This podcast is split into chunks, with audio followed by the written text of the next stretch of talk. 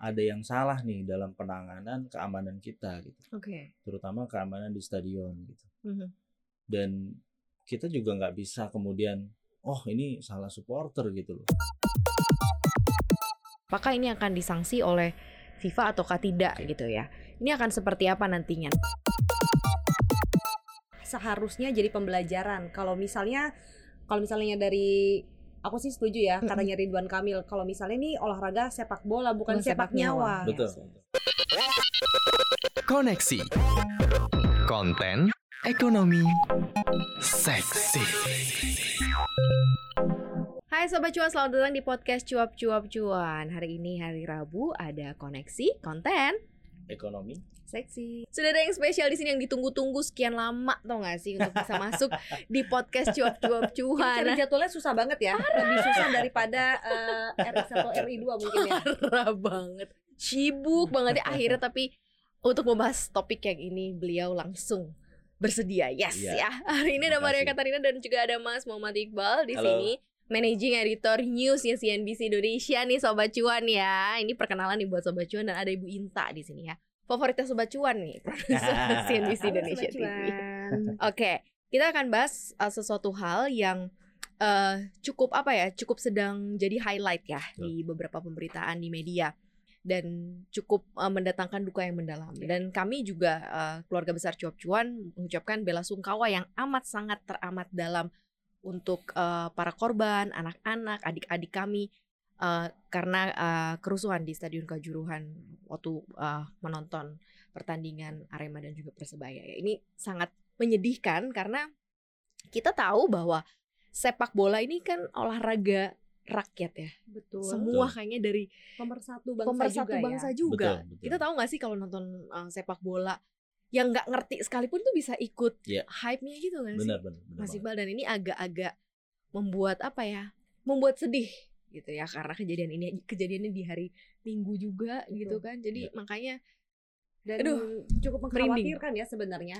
Banyak hal-hal yang seben- seharusnya jadi pembelajaran. Kalau misalnya kalau misalnya dari aku sih setuju ya Mm-mm. katanya Ridwan Kamil kalau misalnya ini olahraga sepak bola bukan Bukan sepak, sepak nyawa. nyawa. Betul, Yes, yes. betul. Jadi kalau misalnya ada yang menang harusnya saling sayang lah bukannya saling tendang. Mm-mm. Dan pertemuan antara Persebaya dan Arema ini kan juga bukan yang pertama sebenarnya Betul, ya dan sudah sering sekali. Eh, tapi entah kenapa begitu ya untuk kejadian di tahun 2022 ini. Nah, tanpa menghilangkan eh, rasa duka yang mendalam itu ya kita akan coba melihat sebenarnya sekaligus mungkin membantu juga sobat cuan untuk melihat nih hmm, industri eh, sepak bola kita ini sebenarnya seperti apa sih. Kalau kalau Mas Iqbal sendiri melihatnya apa sih begitu ya mungkin yang bisa di jadi evaluasi gini dengan adanya kejadian kemarin ini.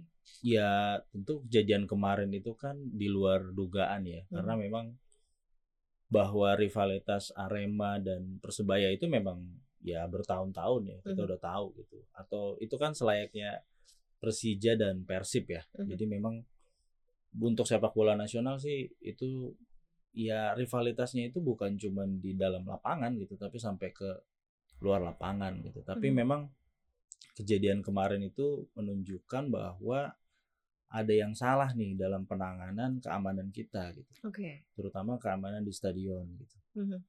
dan kita juga nggak bisa kemudian oh ini salah supporter gitu loh Mhm. karena supporter itu kalau mungkin Maria atau Inta juga udah mungkin ngelihat bahwa ada yang supporter turun ke lapangan dia minta Pak nih jangan ditembakin gas air mata gitu loh Mhm, jadi mhm. memang penonton pun itu yang turun ke lapangan itu mereka komplain kepada pemain jadi Hmm. mereka berdialog di situ jadi misalkan ada supporter yang komunikasi dengan salah satu pemain Arema John Alvarizi Mhm. jadi cuma nanya ini kenapa sih Mhm. performa kalian tuh menurun gitu. Puncaknya dikalahkan oleh Persebaya yang mana rival satu satu provinsi lah istilahnya gitu. Mhm. Derby Jatim kalau orang bahasanya gitu ya. Ini ini fans ya padahal Ini ya. fans dan Fans dan dan dilayani. idolanya gitu Iya, ya. Dan dilayani. John Alvarizi ya mereka semua menjelaskan gitu. Cuman Hmm. ketika entah gimana cara ceritanya gitu ya. Ada yang mulai jadinya ya chaos jadinya gitu. Dan polisi nggak mau pikir panjang Mhm. Mhm. langsung menembakkan gas air mata Hmm. ya udah semuanya kan ki- mungkin kita belum pernah ya kena gas air mata ya, tapi itu rasanya nggak enak lah.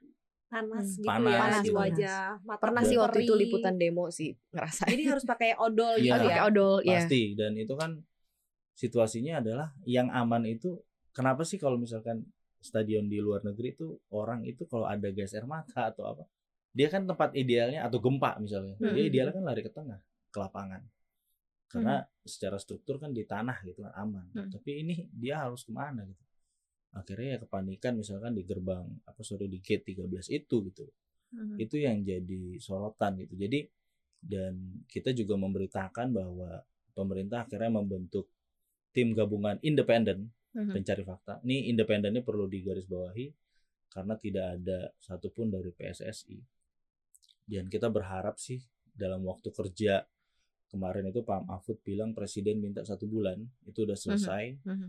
termasuk rekomendasi ya kita harapkan sih setelah ini persepak bolaan kita ya bisa jalan dan lebih baik sih dan Dan- nggak ada lagi kejadian model begini sih Betul. Sekarang kan pemerintah udah resmi menghentikan Liga 1, Liga 2 dan Liga 3 sampai waktu yang tidak ditentukan. betul Sebenarnya cukup menghormati eh, kondisi yang duka Ya. dan mengkhawatirkan secara keseluruhan untuk eh, industri sepak bola kita ya. Jadi Mhm. harusnya jadi lebih sehat dengan TGIF Sa- sama-sama Hmm. batas sampai dengan batas waktu yang tidak sampai ditentukan. batas Iya. waktu yang tidak itu ditentukan. menurut saya sih keputusan yang tepat ya ketika Mhm.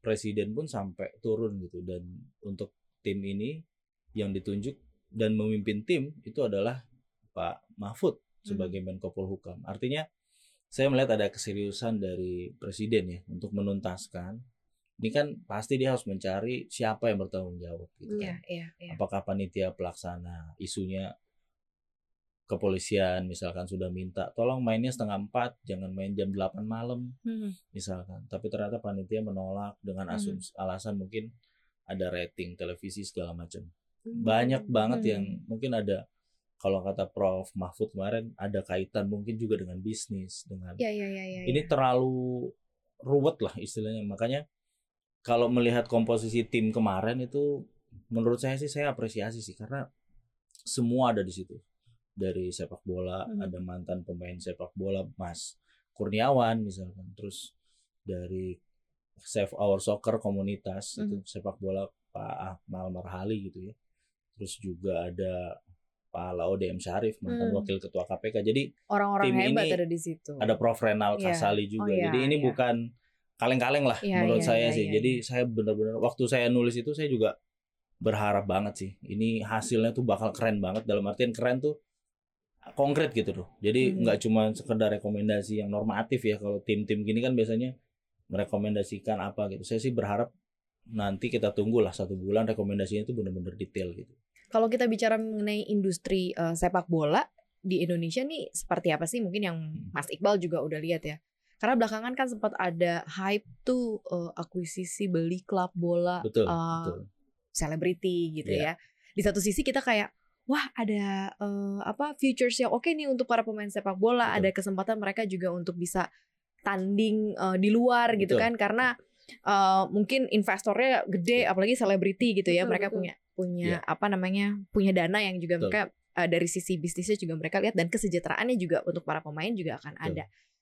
Berarti sangat sebenarnya sangat-sangat potensial ya Mas Iqbal ya Iya, kalau dilihat. Kalau dari sisi cuannya memang kalau karena kita subat cuan ya istilahnya. Mhm. memang cuannya itu memang menjanjikan sih kak. Jadi eh, dalam artian paling simpel itu di jersey aja. Hmm. Jersey itu mungkin seragam ya. Iya dari seragam itu Mhm. untuk nempel itu kan ya kayak kita kalau kepanitiaan lah, ya kan kalau di Hmm. bagian tengah itu berapa, Iya, di iya, bagian iya, iya. lengan itu berapa gitu kan. Dari situ kita udah bisa melihat gitu. Jadi bahkan ada klub mungkin saya sebut aja mungkin Persib Bandung itu kan Hmm. saking banyaknya kali ya. Jadi itu macam-macam gitu. Jadi Penuh nggak- ya jersey penuh. Jadi kadang-kadang bukan cuman di jersey utama, maksudnya ketika pertandingan gitu ya. Hmm. Tapi ketika jersey latihan itu beda lagi tuh jersey-nya. Hmm. Nah itu nempelnya beda lagi Hmm. yang nempel gitu. Jadi belum lagi kita bicara billboard, belum lagi di medsos, adlib apa pun lah. Jadi bener-bener itu potensinya besar. Gitu. Tapi memang di sisi lain pengeluaran untuk itu pun besar gitu. Jadi misalkan ya menggaji pemain, Ya, ya. menggaji pelatih dan untuk menjadi juara tentu ya pemain dan pelatihnya ya bukan yang kualitas kelas 2 juga gitu. Jadi saya lihat beberapa tahun belakangan liga kita itu pemain asingnya itu bukan pemain asing yang kualitas dua juga gitu. Jadi maksudnya kalau dulu kan kesannya ah yang main di Indonesia sih pemain asingnya pemain asing biasa aja nih. Kalau Hmm. belakangan bahkan yang yang udah Persija top-topnya ya. sekarang. Persija tahun ini saya kasih contoh itu pelatihnya Thomas Doll itu salah satu pelatih yang bagus di Liga Jerman gitu. bahkan Hmm, pemain bintangnya tuh dibawa semua gitu jadi Mhm. itu membuktikan bahwa ya cost operasional untuk klub sepak bola itu untuk ini baru bicara pemain di Bener, lapangan bener. itu udah gede banget gitu. Mhm. saya nggak tahu kontraknya berapa 5 m atau berapa mungkin bisa miliaran ya pasti miliaran setahun ya sorry satu musim Berarti dengan kata lain pertandingan adalah sebagai salah satu juga untuk eh, menghidupi itu semua Iya, dong berarti ya. Betul. Jadi Oh. dan tadi ya misalkan ke investor-investor baru misalkan Raffi Ahmad, Mm-mm. kemudian ada Atta Halilintar ya tapi di ini di sih futsal atau di futsal. futsal misalnya atau Prilly misalnya Prilly di Hmm. Persikota Tangerang gitu ya. Saya kasih contoh mungkin Raffi ya. Raffi itu menurut saya dia mendobrak ya dengan Rans Ed- apa Rans Nusantara. Jadi mereka tuh sampai uji tanding ke Turki gitu Benar, ya tadi Kak. Maria bilang Hmm. gitu. Jadi membuktikan bahwa ya kalau memang serius dan pemain pelatihnya juga bagus-bagus gitu. Tapi ya itu tadi butuh budget kan. Mhm. Tapi seberapa tahan gitu investor untuk ya samalah kayak bisnis yang lain kan nggak mungkin investor tunggal kan dia harus ngajak investor-investor lain untuk gabung sih. Gitu. Mhm. Kalau Mhm. misalnya dari founder Save All Soccer Indonesia nih, Apung Widadi itu juga bilang kalau misalnya tiket untuk satu pertandingan aja tuh bisa sampai satu miliar rupiah Ya. dari Hmm. penjualan tiket. Tapi Betul. kalau untuk klub-klub besar itu harga tiket untuk satu pertandingan itu bisa dapat sampai 2 miliar rupiah. Jadi memang kalau misalnya tadi ya ada upaya-upaya dari investor ngegedein uh, timnya sendiri itu juga ada kaitannya dengan berusaha untuk membuat uh, mungkin fans yang lebih Ya. besar, Mhm, market lebih mhm, besar, mhm. nanti pendapatan juga lebih besar. Tapi Betul. tadi betul kata Pak Iqbal ya, kalau misalnya mereka tuh bagusnya investor-investor yang terutama uh, yang makin ke sini Ya. berharap sebenarnya uh, sepak bola Indonesia tuh lebih sustainable ya, lebih Betul. berkelanjutan. Mhm. Jadi Mhm. mereka nyari talenta-talenta terbaik baik pelatih maupun pemain Betul, betul. terus kemudian eh, mereka juga udah berusaha bikin ini ya apa eh, industri yang s- olahraga tapi juga entertainment juga iya, iya, iya. merchandise tadi Iya, iya, iya, iya. kemudian tadi juga bisa ada eh, apa pertandingan-pertandingan Betul. persahabatan yang. Mhm. nggak harus liga besar tapi yang kecil-kecil itu kan Iya, juga iya. mendatangkan tiket-tiket lainnya ya Ya belum Seben- UMKM ya. Iya, benar, Hmm, benar. Yang paling kecil-kecil sih yang paling Bakso iya, gitu ya. paling Yang sih. jualan Starling minuman lah. dingin ya, Starbucks Starling, keliling gitu kan. bener ya. Kalau di apa namanya kayak di Malang gitu. Maksudnya kayak di Kanjuruhan kan ya dia kabupaten ya. Dan Maksudnya emang hampir setiap kali pertandingan bola tuh tiket selalu terjual habis ya. selalu terjual habis sih. Tapi memang yang jadi persoalan kayak misalkan case yang di Kanjuruhan kan Pak Mahfud juga udah bilang ya tiketnya berlebih gitu kan. Eh, dari 30 Over daripada kapasitas stadion. over capacity gitu. Oke. Tapi saya mencoba memahami apa namanya apa yang di benak panitia pelaksana ya mungkin karena udah dua tahun kosong kan Maria Hmm. jadi Inta jadi ya karena pandemi kan ya nggak ada sepak bola waktu itu bahkan Mhm. liganya pun ya tanpa penonton. Itu kan artinya sekarang dengan pandemi yang makin terkendali presiden bilang pandemi akan berakhir ya ini sebenarnya kesempatan juga sih sebenarnya buat panitia pelaksana gitu kan yang Mhm, mhm. pengelola stadion gitu untuk mencari uang gitu sebenarnya. Jadi ya cuman kebablasan jadinya kalau case yang di Kanjuruhan itu gitu. Mhm. Sekarang kita dihadapi dengan berbagai macam hal gitu ya. Termasuk tadi kan Liga eh, satunya udah dihentikan ya. Liga 1, Liga Satu, 2, dua, Liga dan 3. tiga. Hmm. Kemudian kita masih dihadapkan dengan apakah ini akan disanksi oleh FIFA ataukah tidak Oke. gitu ya. Ini akan seperti apa nantinya next? Karena kan hmm, tadi kita udah bicara mengenai industrinya, kita bicara banyak sekali orang yang kemudian bertang apa bergantung sebenarnya da- terhadap industri Iya, ini gitu kan. Dan efek kalau FIFA kemudian memberikan sanksi nanti akan gimana gitu ya. Sekaligus mungkin tim yang spesial ini tim yang uh, pencari fakta yang khusus Iya, iya, ini iya. pun nanti menemukan hal-hal yang kita berharap hasilnya sangat mengembirakan sebenarnya Betul. untuk pesepak bola pesepak bola Indonesia. Kalau sanksi FIFA sih ya tentu kita tidak berharap ya Maria ya karena kalau misalkan sanksi FIFA itu dia cuma nggak berlaku ke masalahnya dia berlaku sampai tim nasional. Oke. Jadi tim nasional bayangkan Nggak cuma tim yang kemarin doang Oh, gitu ya, ke Jadi bukan ke semuanya. liganya segala macam misalkan tim nasional kita juga bisa kena imbas gitu. Apalagi Jadi tahun depan Indonesia katanya jadi ini ya, Iya, tuan rumah rumah. untuk U20. Itu dia. U20 makanya. itu Bulan U20 itu sepanjang sejarah saya ngikutin bola itu semua calon pemain terbaik dunia lahir dari Piala Dunia U20 gitu. Mhm. Jadi mereka-mereka yang umurnya 17, 18 itu makanya menjadi ya mungkin kemarin akhirnya kayak Menpora kan juga sempat viral kan kelepasan bahwa ya mudah-mudahan kita nggak disanksi FIFA karena tahun depan kita tuan rumah Piala Mhm. Dunia U20 gitu. Walaupun itu sebenarnya kan orang lihatnya kok nggak ada empati banget ya. Ini lagi ada Iya, benar sih. iya tiba-tiba dia iya. ngomong kayak gitu. Tapi saya kalau kita dari sisi pemerintahan mungkin kita tahu anggaran yang udah digelontorkan pemerintah itu kalau nggak salah itu stadion sampai 10 Hmm. 10 itu nggak dia harus direvitalisasi sesuai dengan standar FIFA gitu jadi dan itu pakai duit apa ya duit APBN, APBN. kan nggak mungkin apa namanya untuk project-project seperti ini pakai swasta itu sangat-sangat Iya, iya. paling swasta Iya. subkontraktor segala macam tapi untuk budget awalnya tetap harus dari pemerintah kan jadi Betul. memang kalau misalkan sanksi FIFA itu sampai turun gitu ya itu benar-benar menurut saya sih memukul semua sih akhirnya jadi timnas kita yang mungkin teman-teman juga sobat cuan tahu lah Mhm, prestasi Mhm. timnas kita tuh sekarang lagi mulai naik nih di bawah pelatih Benar. asal Benar. Korea Selatan Sinteyong gitu jadi Hmm. kalau misalkan sampai kena sanksi juga saya nggak tahu lagi sih pasti kecewa berat sih fans sepak bola kita sih Mhm. Dan bisa dibayangkan mungkin tidak akan ada pertandingan sepak bola dalam jangka waktu panjang gitu ya. betul ya kecuali misalkan ini kan sampai sampai waktu yang tidak bisa ditentukan ya tapi mungkin saya dugaan saya sih setelah rekomendasi dari tim gabungan independen pencari fakta itu Mhm. keluar sih harusnya mungkin ya mungkin tiga bulan mungkin awal tahun kita harusnya udah bisa start lagi sih Kita Tentu harapkan dengan ya. keputusan yang memuaskan semua pihak ya Sebenarnya kan juga kasus besar gini nggak cuma terjadi di Indonesia, ada beberapa negara-negara juga mengalami hal yang sama ya. Betul. Itu biasanya gimana sih mas kalau di sana eh, sistem yang berlaku gitu? Eh, apakah mereka tetap running walaupun memang ratusan nyawa bisa dikatakan gitu ya Iya. menjadi korban ataukah seperti apa sih? kalau kita belajar dari kasus di Inggris itu memang akhirnya semuanya berbenah terutama dari pihak keamanan Mhm. mungkin kalau Maria atau Inta pernah lihat sepak bola Liga Inggris itu kan stadionnya deket banget ya Mhm. Mhm. di lapangan ini kita Iya. nonton nih Tempat duduk sini lapangan di deket banget. lapangan. Mhm. betul. itu kenapa jadi memang itu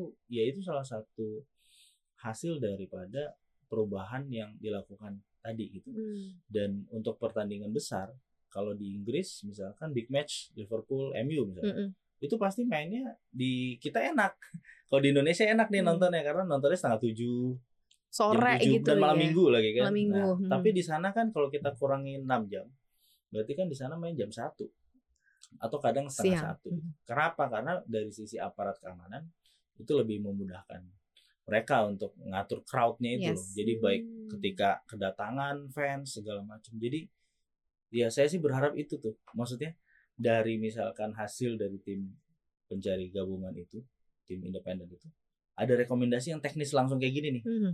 jadi Mhm. misalkan ini big match pertandingan besar kita itu ada ukurannya lah misalkan persebaya eh, sorry persib lawan persija yang mainnya siang Iya. Misal, Bill Prus siang sih. sekalian jadi lebih mudah bagi kepolisian mungkin untuk mengontrol dan Terutama bagi polisi nggak boleh ada lagi yang namanya gas air mata sih memang udah nggak boleh Harus yang Karena emang dilarang kan ya sebenarnya Benar, ya. memang dilarang kalau standar Mhm. FIFA tapi kan kembali lagi standar FIFA itu kan apakah standar FIFA itu dimengerti atau udah disampaikan ke Mhm. kepolisian apakah sampai ke level Kapolres atau Kapol apa namanya Mhm. Kapol iya Kapolres lah kalau di kita kan atau Kapolwil ya misalnya Mhm. Kap- eh, kepolisian wilayah jadi memang tergantung daripada tadi sih harus ada krisis kan selalu menghasilkan perubahan kan Benar. itu kan pasti ya. iya apa pun lah krisis ekonomi apa Mhm. itu pasti nah ini buat saya ini krisis dan udah jadi perhatian dunia juga bahkan tadi mungkin teman-teman tahu viral juga tuh foto di apa namanya di Jerman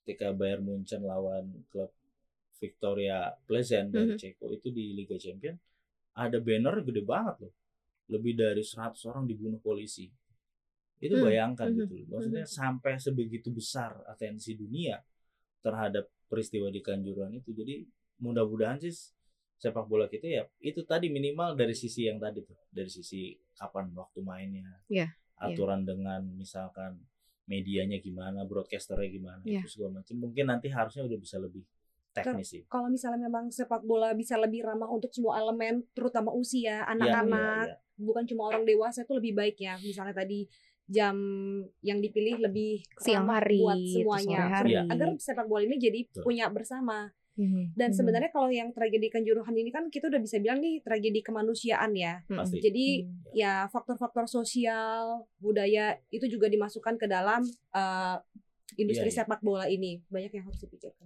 Benar, benar. Jadi Kanjuruhan jadi tragedi terakhir terakhir Ya ya ya. Dan kita Jangan sama-sama ada jaga uh, sepak bola kita ya. Kita melakukan ini dan membahas ini Sobat Cuan karena memang kita begitu cintanya sebenarnya sama industri sepak bola tanah air dan Betul. kita merasa yakin bahwa kita punya banyak bibit-bibit unggul pemain sepak bola dan Yap. sepak bola kita pun dilirik sebenarnya eh, oleh banyak negara gitu ya. Iya, iya. Jadi ayo sama-sama gitu ya yang mendengarkan podcast kita hari ini sama-sama kita berbenah bukan hanya dari sisi eh, institusi gitu ya, tapi Hmm. mungkin kita as a personal, as Ya, ya, fans, ya. dia nggak sih, bener kan? Dan ya sepak- harus ikhlas sih nerima kalah, nerima kekalahan dan kalaupun menang ya nggak usah sombong atau gimana sih. Itu Ya ya. memang susah sih untuk itu ya itu butuh proses bertahun-tahun sih untuk itu tapi itu harus mulai sih benar sih. Karena gimana pun sepak bola itu juga jadi kayak identitas ya. Seperti Mhm, apa yang mhm. diperlihatkan Betul. di aktivitas sepak bola itu adalah identitas Indonesia. Betul. Kita tunjukin memang kalau misalnya uh, identitas kita adalah yang terbaik Betul. dalam sportivitas Betul. terutama. ya terima kekalahan dan support terus yang menang gitu. Jadi Betul. makanya berbenahnya dari level kita deh sampai mungkin institusinya nanti kita serahkan kepada mereka-mereka yang memang sudah Ya, eh, apa Sepakat. pas ya di di eh, bidangnya masing-masing. Thank you ya Sobat Cuan udah mau de- eh, denger sama-sama gitu ya. Ini kayak setengahnya memang kita curhat sekaligus juga kita me- apa ya memberikan rasa simpati bela sungkawa yang juga besar gitu ya untuk para keluarga yang tadinya anaknya mungkin cuma pamit mau main Ah, iya. bola gitu ya tapi ya kemudian eh, tidak kembali ke rumah dan itu pas pagi itu gue denger berita itu langsung merinding sejadi jadinya gitu loh Iya, dan beberapa itu bisa kan anak-anak. SMK ya. iya Kalau dilihat SMK 2 Malang, SMK ada berapa ucapan duka yang eh itu benar-benar sih. Jadi dan mereka ini kan ngefans Iya. ngefans ke Arema memang ya ya keluarga ya. Mm-mm. Dan rata-rata tuh Mm-mm. ya suami istri ya pasti senang Arema ya udah pasti anaknya ikut anaknya juga Arema gitu. Dan ini itu pun kemarin kan juga nggak ada fans dari Persebaya loh. Maksudnya Surabaya nggak ada yang datang gitu. Jadi Hmm. sebenarnya sih dari sisi keamanan sih harusnya sih nggak ada isu ya harusnya. gitu deh sobat cuan ya Iya. gitu aja pembahasan kita hari ini jangan lupa untuk dengerin konten podcast kita lainnya di mana aja Ada di Anchor, Google Podcast dan juga di Apple Podcast. Selain itu kontennya cuap-cuap cuan juga ada di Instagram @cuap underscore cuan. Selain itu ada juga nih di YouTube Yap. cuap-cuap cuan. Kalian komentar, like dan share sebanyak-banyaknya. dan podcast kita hari ini sobat cuan juga tayang ya di CNBC Indonesia TV pastinya terima kasih untuk sobat cuan sehat-sehat terus ya Maria pamit Iqbal pamit. Dan juga Inta pamit. bye bye Sampai jumpa. Bye.